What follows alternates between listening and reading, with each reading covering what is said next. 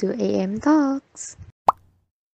Halo semuanya, kembali lagi bersama kita to AM Talks dengan gue Amel. Dan gue Pinkan. Di sini kita mau bahas apa nih Pink hari ini? Uh, kita hari ini episode 4 nih ya. Hmm, Sebenarnya sempat bingung sih mau bahas apa, tapi kita mau membahas sesuatu yang uh, masih hangat gitu ya Mel. Betul, dan lumayan banyak, bukan banyak sih kayak kejadiannya tuh berturut-turut gitu. Nah, yaitu tentang selingkuh nih. Sebenarnya kata-kata yang sudah sering didengar, tapi intensitasnya di sebulan terakhir ini sangat sering ya. Betul, ada dua kasus ya. Yang booming sih ya. Oh ya, yang booming benar. Nah, gue mau nanya nih Mel sama lo. Menurut lo, sebenarnya ini gue nggak bisa jawab sih. Makanya gue mau nanya lo. Uh, menurut okay. lo, kenapa sih orang tuh uh, selingkuh gitu at the first place? Sebenarnya banyak faktor sih. Tapi kalau menurut gue uh, salah satu yang bisa jadi apa ya? Yang jadi majornya gitu adalah karena mungkin hubungan suami istrinya sedang ada masalah atau sedang gak baik-baik aja antara yang suaminya ngerasa uh, gimana-gimana ke istrinya atau kebalikannya atau dua-duanya ngerasa hal yang sama. Tapi masalah itu nggak diomongin, nggak diselesain, tapi malah nyari distraksi di di luar gitu. Misalnya, misalnya yang selingkuh yang cowok ya, misalnya. Si cowoknya ini sebenarnya tahu di rumah nih lagi nggak lagi nggak baik-baik aja, tapi dia nggak ada effort buat duduk ngobrol sama istrinya, ayo kita selesain apa pun yang lagi kita hadepin.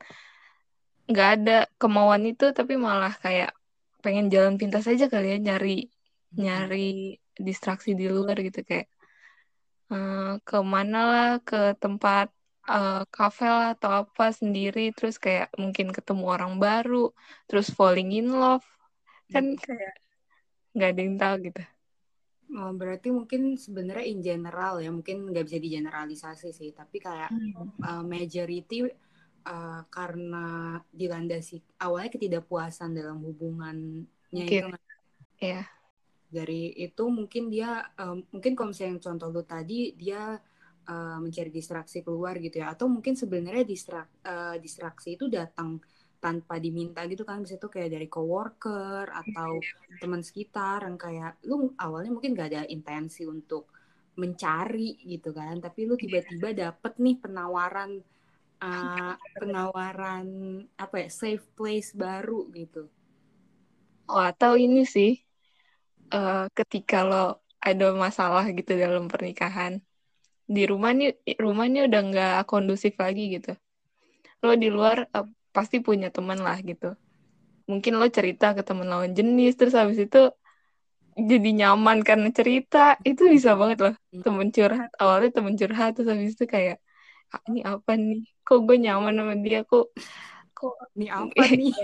Ya kan? Maksudnya bisa bisa banget kayak gitu gitu yang awalnya kayak temen curhat eh habis itu jadi lanjut gitu Uh, tapi kan kita ini konteksnya uh, kita biar satu frame nih. Ini kita konteksnya emang membahas selingkuh in marriage or in uh, relationship in general.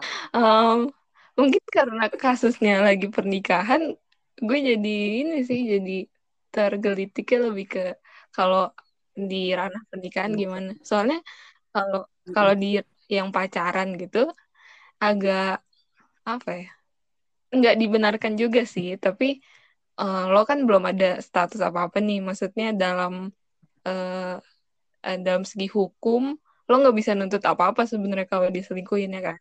Mm-hmm. ya. Mm-hmm. ya gimana sih? Bukan suami istri gitu. Jadi kayaknya lebih bakal lebih ada garis garis jelasnya kalau Iya kan, kalau ada garis jelasnya kalau emang udah pernikahan terus mm-hmm. ya ada orang ketiga gitu. Oke, okay. uh, berarti sebenarnya kan ketika orang uh, selingkuh ya dalam dunia pernikahan, sebenarnya kan uh, balik lagi yang lu bilang sih dua-duanya itu tetap uh, salah ya. Tapi menurut gue ketika uh, lu melakukan itu dalam konteks marriage, sebenarnya tuh yang di yang lu bawa gitu udah bukan cuma masalah dua orang doang gitu gak sih? Kayak ini tuh masalah secara nggak langsung masalah antara dua keluarga gitu-gitu nggak sih? Kayak it's a bigger uh, problem gitu. Sebenarnya iya sih apalagi kalau kita ngomongnya di konteks Indonesia. negara kita. Ya kalau nikah kan bukan cuma dua orang tapi dua dua keluarga. keluarga gitu kan besannya gitu. Mm-hmm. ya mungkin sih bisa aja kayak ada masalah sama mertua terus kebawa ke dalam rumah terus ada masalah sama siapalah gimana ya? Emang banyak faktor sih sebenarnya. Dan itu kan kalau nggak mau di kalau nggak bisa di sort out satu-satu bakal jadi benang kusut gitu nggak sih? Mm-hmm. dan lu kalau kalau lu orangnya males ribet lu pasti bakal nyari benang yang baru gitu daripada ngebenerin yang kusut ya nggak sih? Benar atau menurut gue ya Uh, orangnya sih. Menurut gue mungkin titik awalnya mereka tidak terbiasa untuk meng-solve problem. Oh mungkin sih. Jadi kayak kan maksudnya banyak ya orang yang uh, mungkin pas lagi pacaran atau PDKT atau apalah itu it's all rainbows gitu. Hmm. Mungkin kalau misalnya ada masalah tuh masalah-masalah sepele yang kayak ya udah gitu, bukan yang harus sampai di uh, dibicarakan seserius itu gitu. Jadi mungkin ketika dihadapkan dengan marriage life yang sebenarnya kita juga nggak tahu ya itu apa, tapi yang jelas pasti jauh lebih berat gitu kan. Jadi mungkin mereka juga uh, bingung juga menghadapinya kan. Bisa sih. Soalnya tapi... kan kayak eh, nggak uh, tahu sih ya, gue melihatnya kalau di uh, di Indonesia sendiri kayak pembicaraan pranikah tuh kayak belum menjadi hal yang benar-benar orang-orang lakuin gitu benar. Ya kebanyakan kan uh, pada apa ya pada ngobrolinnya tentang resepsi ya atau kayak mm -mm. menuju resepsi akad terus seserahan ininya itunya. Tapi uh, hidup setelah nikahnya itu loh sebenarnya yang the real deal gitu kan. Mm -mm. ya resepsi mah cuma satu hari gitu. Ya oke okay, diurusin ya ya udah pasti harus diurusin. Cuman setelah itunya tuh lebih panjang ngerti gak sih? Mm-hmm. ya, kan maunya seumur hidup gitu kan. Tapi nggak diomongin malah. Iya. Uh, meskipun sekarang kayaknya udah lebih better sih ya kayak menurut gue kalau gue melihatnya sih setidaknya sekarang udah lebih di udah lebih aware lah ya. Uh -uh, udah lebih di bring up lah topik itu. Bagus sih.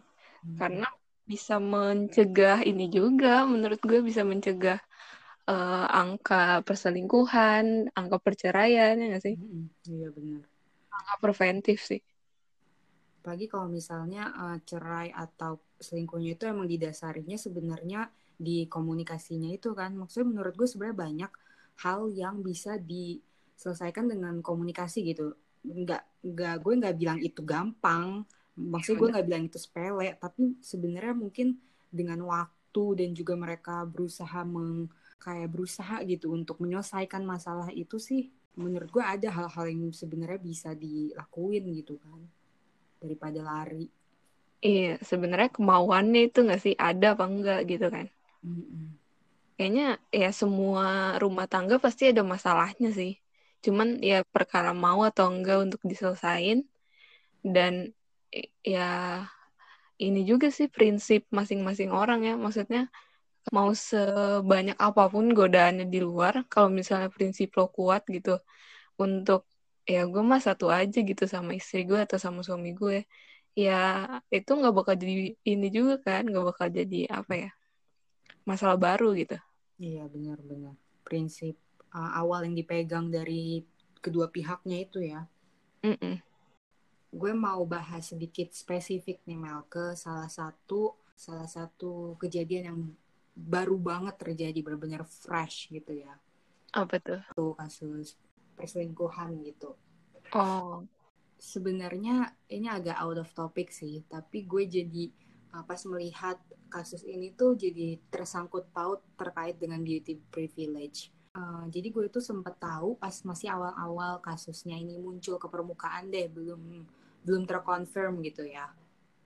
Terus ya semua orang tuh kayak belain si orang yang tersangka pelakornya ini yang kayak hmm. uh, gak mungkin lah dia kan cantik pasti maunya sama yang ganteng. Denial kali ya? Iya kayak denial gitu. Kebetulan mungkin uh, si cowoknya ini tuh bukan tipikal yang uh, ganteng banget gitu ya kayak Reza Rahardian yang semua orang suka gitu enggak gitu ya. Terus kayak orang-orang tuh membela yang uh, menurut netizen lebih good looking dan memojokkan yang menurut netizen lebih enggak good looking gitu. Karena hmm. di sini tuh yang kayak uh, kita sebut ABC gitu ya si A dan B ini suami istrinya. Terus si C-nya ini kan kayak dibilangnya nggak mungkin lah C mau sama si cowok itu pasti dia maunya sama yang ganteng yang kaya gitu gitu terus malah nyala nyalahin si istri sah yang kayak istrinya aja kali yang uh, lebay atau istrinya kali yang sebenarnya uh, selingkuh terus kayak ngeproyeksiin ke cowoknya yang gitu-gitu deh terus gue kayak ngelihatnya tuh kayak ya ya udah emang belum terkonfirmasi tapi nggak perlu langsung memihak ke salah satu gitu nggak sih sebenarnya kayak orang-orang udah langsung bikin teori sendiri gitu ya mm -mm. dan uh, gue pas lihat itu tuh sangat terasa gitu. Mereka memandang fisiknya itu memang disebut gitu kan bukan terasa lagi lo bisa lihat gitu. Lo emang mereka membandingin fisik. Eh keresahan juga sih itu ya. Beauty privilege Terus begitu udah terkonfirmasi nih kasusnya baru deh. Orang-orang mulai uh, uh, sangat berkurang lah si beauty privilege itu. Tapi masih banyak yang menyayangkan gitu ya yang kayak ih sayang banget kenapa sih? Dia kan cantik sukses kenapa nggak cari uh, yang ganteng aja sih yang kaya? Kayak bahkan setelah dia kayak gitu pun masih apa ya masih balik lagi bobo fisik gitu.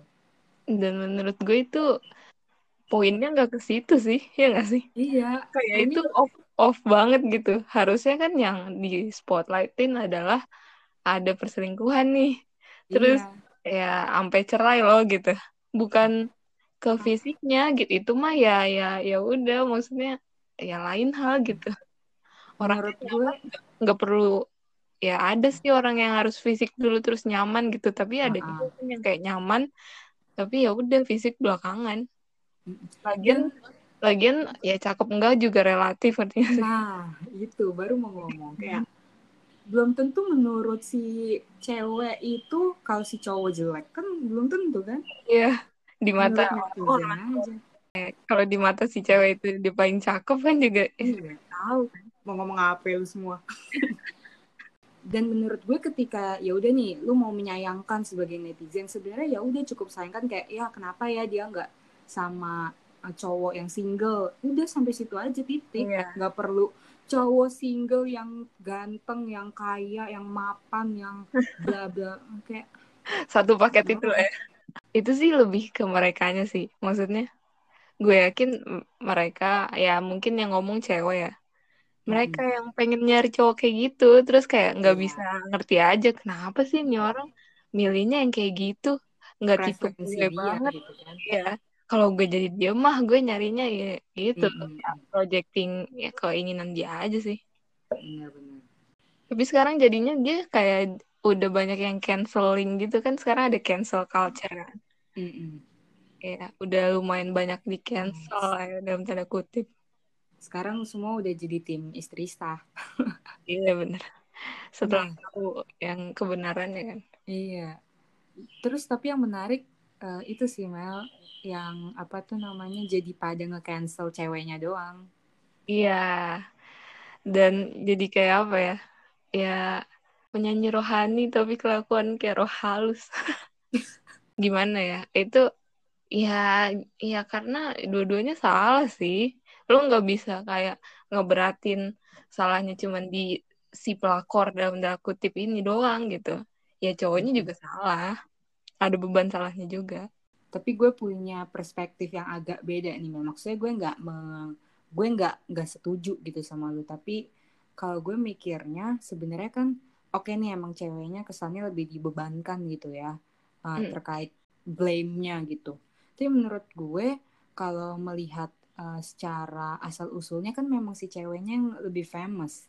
Si ceweknya yang lebih menjadi public figure gitu nggak sih? Jadi menurut gue sebenarnya make sense juga kenapa yang di spotlight ceweknya doang. Karena kayak nobody really cares about oh. the cowok gitu. Karena nggak terlalu bukan idaman orang-orang. Maksudnya idaman tuh dalam arti nggak ngefans sama dia gitu kan. Most of people ngefans atau mengidolakan si yang cewek ini kan. Makanya begitu si cewek ini melakukan kesalahan ya jadi orang-orang lebih kecewanya sama si cewek ini. Menurut gue lebih ke ada ada point of view kayak gitu juga sih bukan cuma menyalahkan sebelah pihak menurut gue. Lebih ke ini kali ya kayak orang-orang udah pada punya ekspektasi A B C D E ke si public figure ini. Seharusnya dia kalau dia kerjanya nyanyi dan segala macamnya udah ke, ke arah yang kayak muslim banget seharusnya kan ya perilakunya juga mengikuti gitu ya ya iya. tapi kan nggak semua hal se hitam putih itu sih ya gak sih? Iya. kayak kita nggak pernah tahu lah orang tuh gimana sebenarnya dalamnya gitu. Itu kan cuman what she's doing for a living.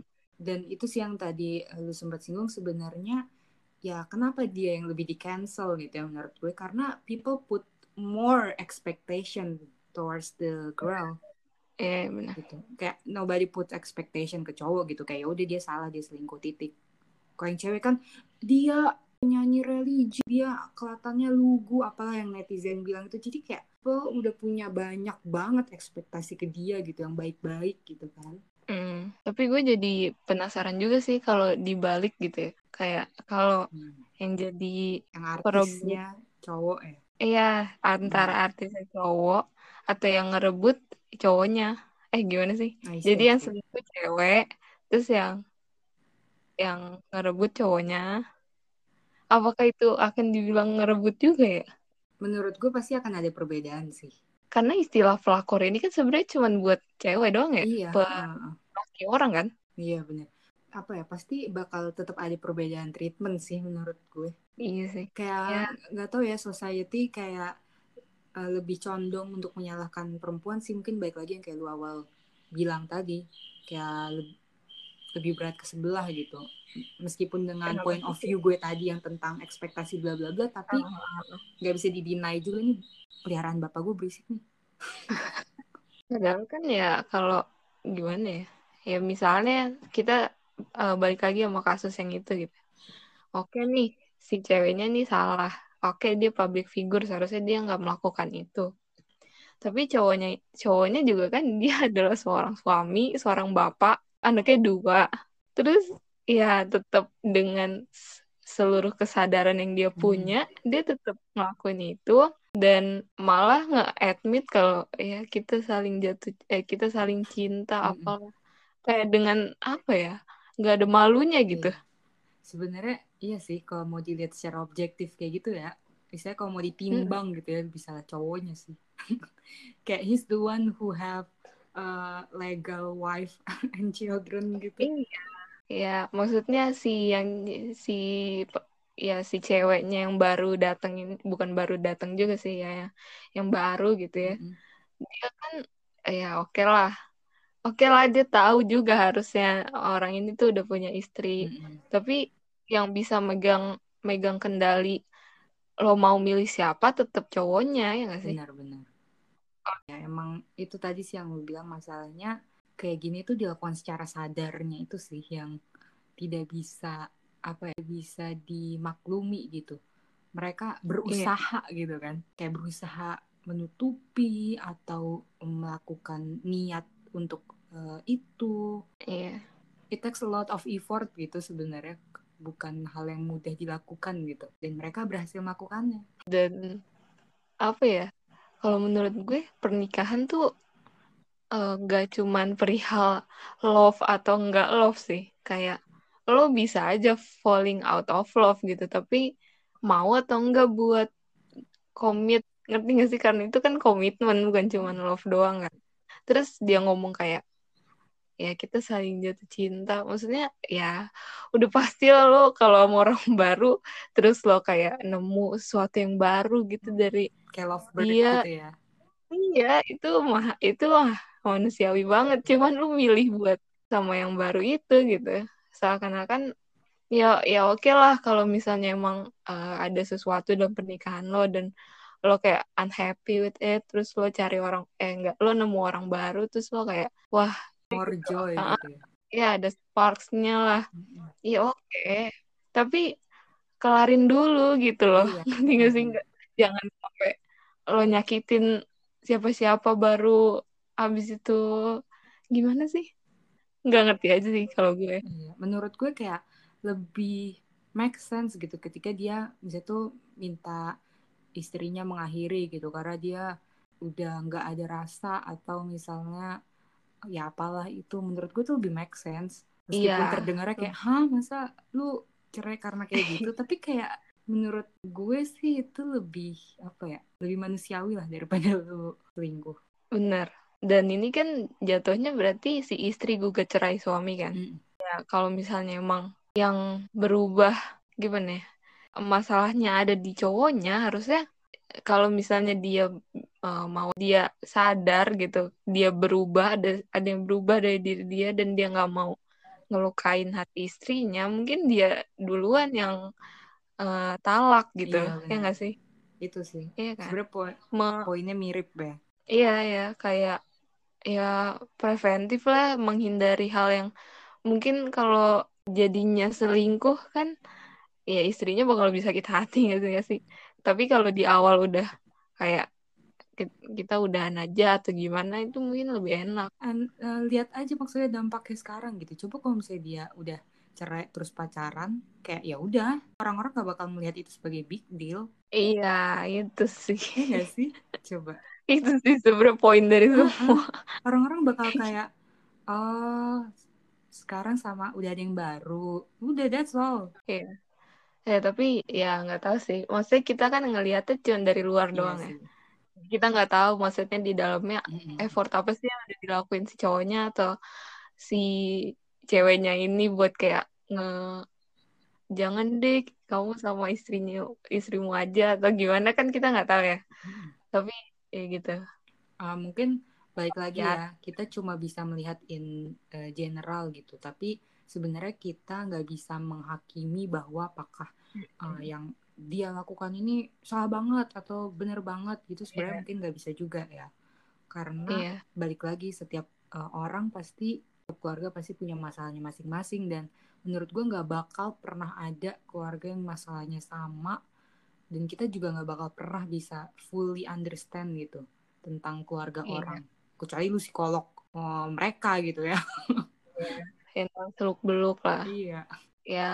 Sebenarnya ini kita emang mungkin dari tadi cuma spesifik yang mana sebenarnya opini kita in general juga ya bukan bermaksud untuk yeah. menghakimi salah satu kasus yeah. ini gitu. Maaf kalau kelihatannya uh, begitu. tapi sebenarnya ini mau bahas in uh, general aja tapi kebetulan ada contoh itu gitu. Uh, makanya tadi balik lagi kita nggak bisa mengjudge uh, orang itu seutuhnya gitu. Nah tapi sebenarnya hmm kan uh, ini mungkin emang masalah yang paling fresh ya tapi sebenarnya sebelum masalah ini kan banyak juga gitu ya eh, kasus-kasus uh, rumah tangga orang lain gitu ya hmm. uh, yang terpapar oleh netizen. Bahkan sampai ikatan cinta aja waktu itu mau cerai Mel. Saking maraknya. Nah tapi yang gue lihat tuh orang-orang jadi pada orang-orang tuh dalam arti yang belum nikah jadi pada makin takut nikah gitu loh. Oh. menurut lu gimana tuh? Maksudnya apa yang lu rasakan terhadap hal itu? Apa ya?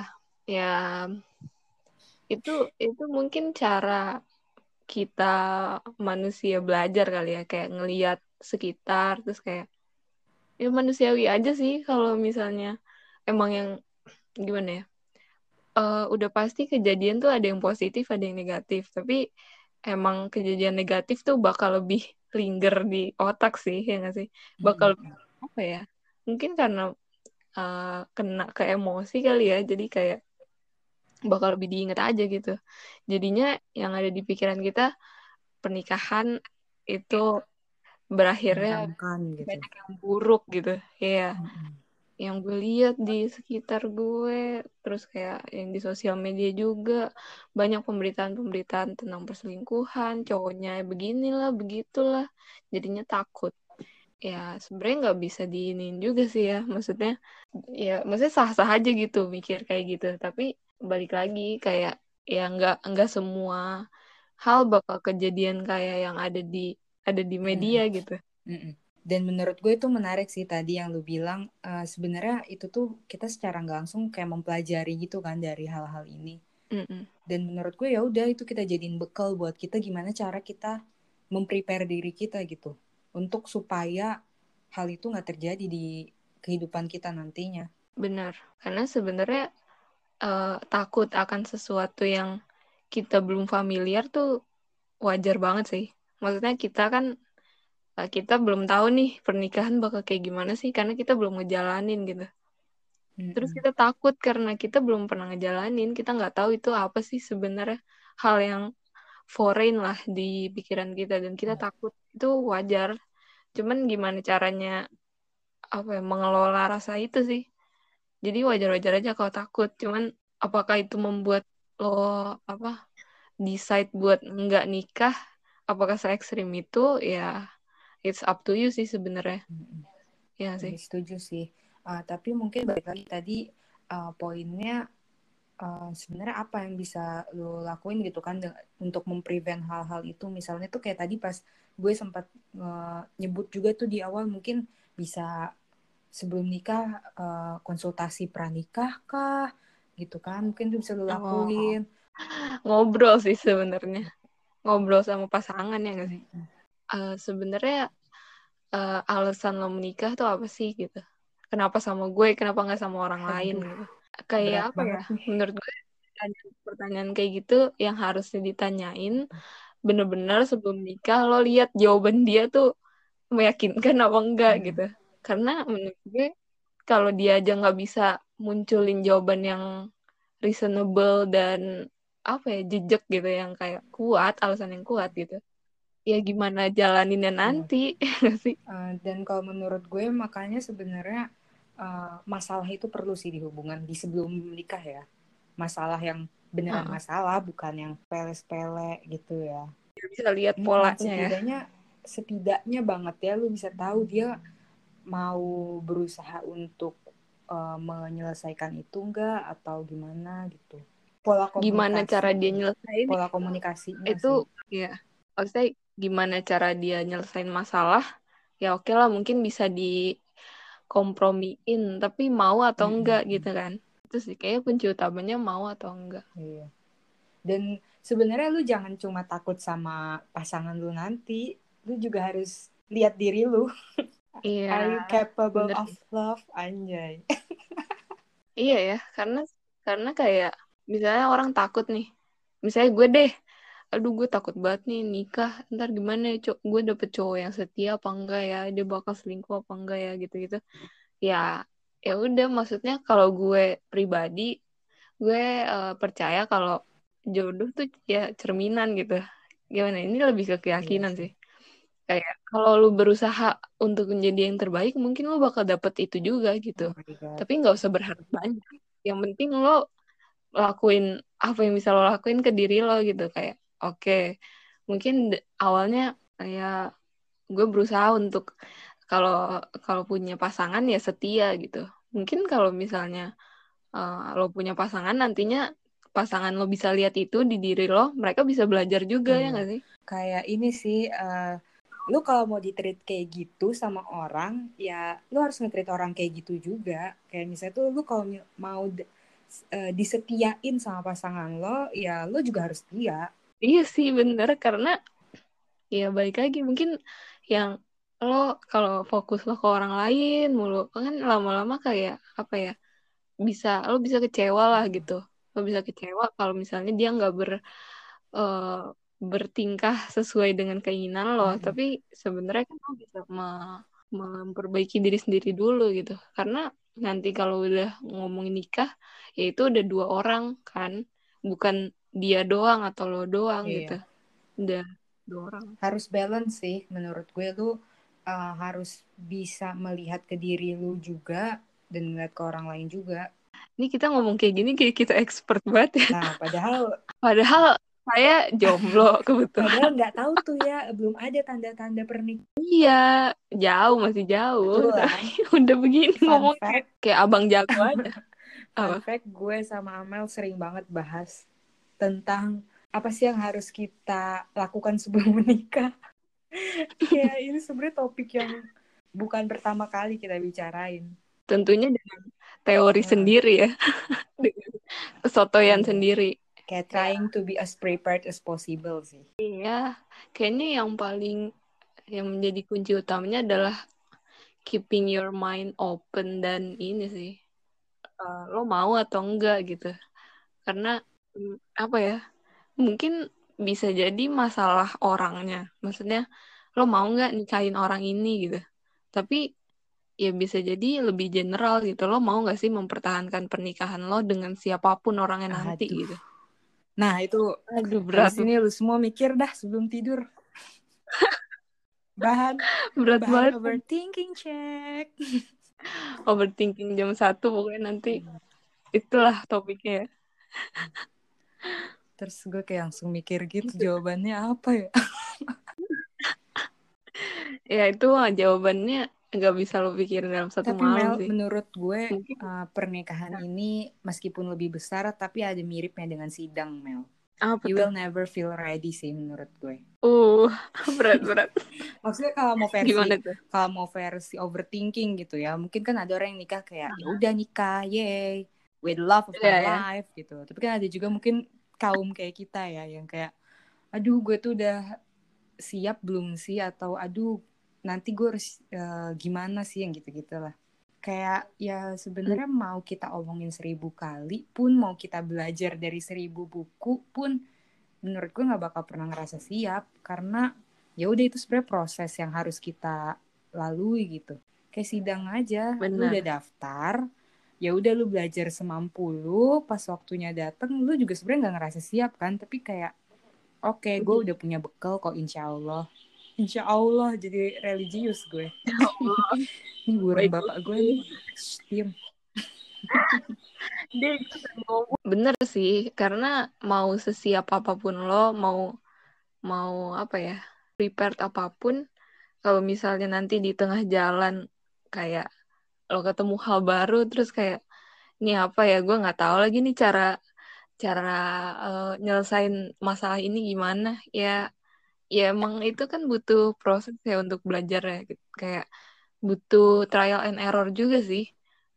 Ya orang kalau jatuh kalau naik sepeda mungkin dia tahu caranya naik sepeda gimana. Tapi kalau ada jeglukan yang dia nggak lihat terus dia jatuh kan ya gimana? Emang perlu diobatin aja gitu kan. Dan uh, sebenarnya kalau misalnya lo udah willing buat mempertahankan pernikahan lo gitu yang mana lo tahu nikah ya sebaiknya sih sekali gitu seumur hidup. Nggak apa-apa sih sebenarnya ada yang namanya perceraian gitu kalau misalnya emang dibutuhkan. Karena kan kita nggak bisa maksa juga ya kalau misalnya di dalam hubungan tuh udah gak sehat udah gimana masa dipaksain gitu kan. Kasihan juga orang-orang di sekitarnya gitu kan ya tapi kalau misalnya lo udah mau nih komitmen bakal sama siapa pun nanti gue bakal seumur hidup sama dia gitu. Ya nanti distraksi apa pun ada orang secakep apa ya gitu. Iya. ya nggak bakal tergiur. Lagi sih Mel dari gue. Apa? lu juga harus sadar bahwa menikah itu bukan keputusan ending gitu. Itu ada sebuah proses belajar di mana lu setiap harinya akan terus belajar dan berproses. Betul dan no one's perfect yep. ya nyari kekurangan Eh, pasangan lu di orang lain gitu ya nggak bakal kelar hmm. ya gak sih sampai ya lu umur lu 105 ribu. juga nggak dapet dapet mending ngaca aja sih maksudnya refleks diri setia atau enggak ada di di tangan lo gitu ya jadi hidup itu kan sebenarnya proses ya tinggal lu pilih aja lu mau atau enggak untuk terus berproses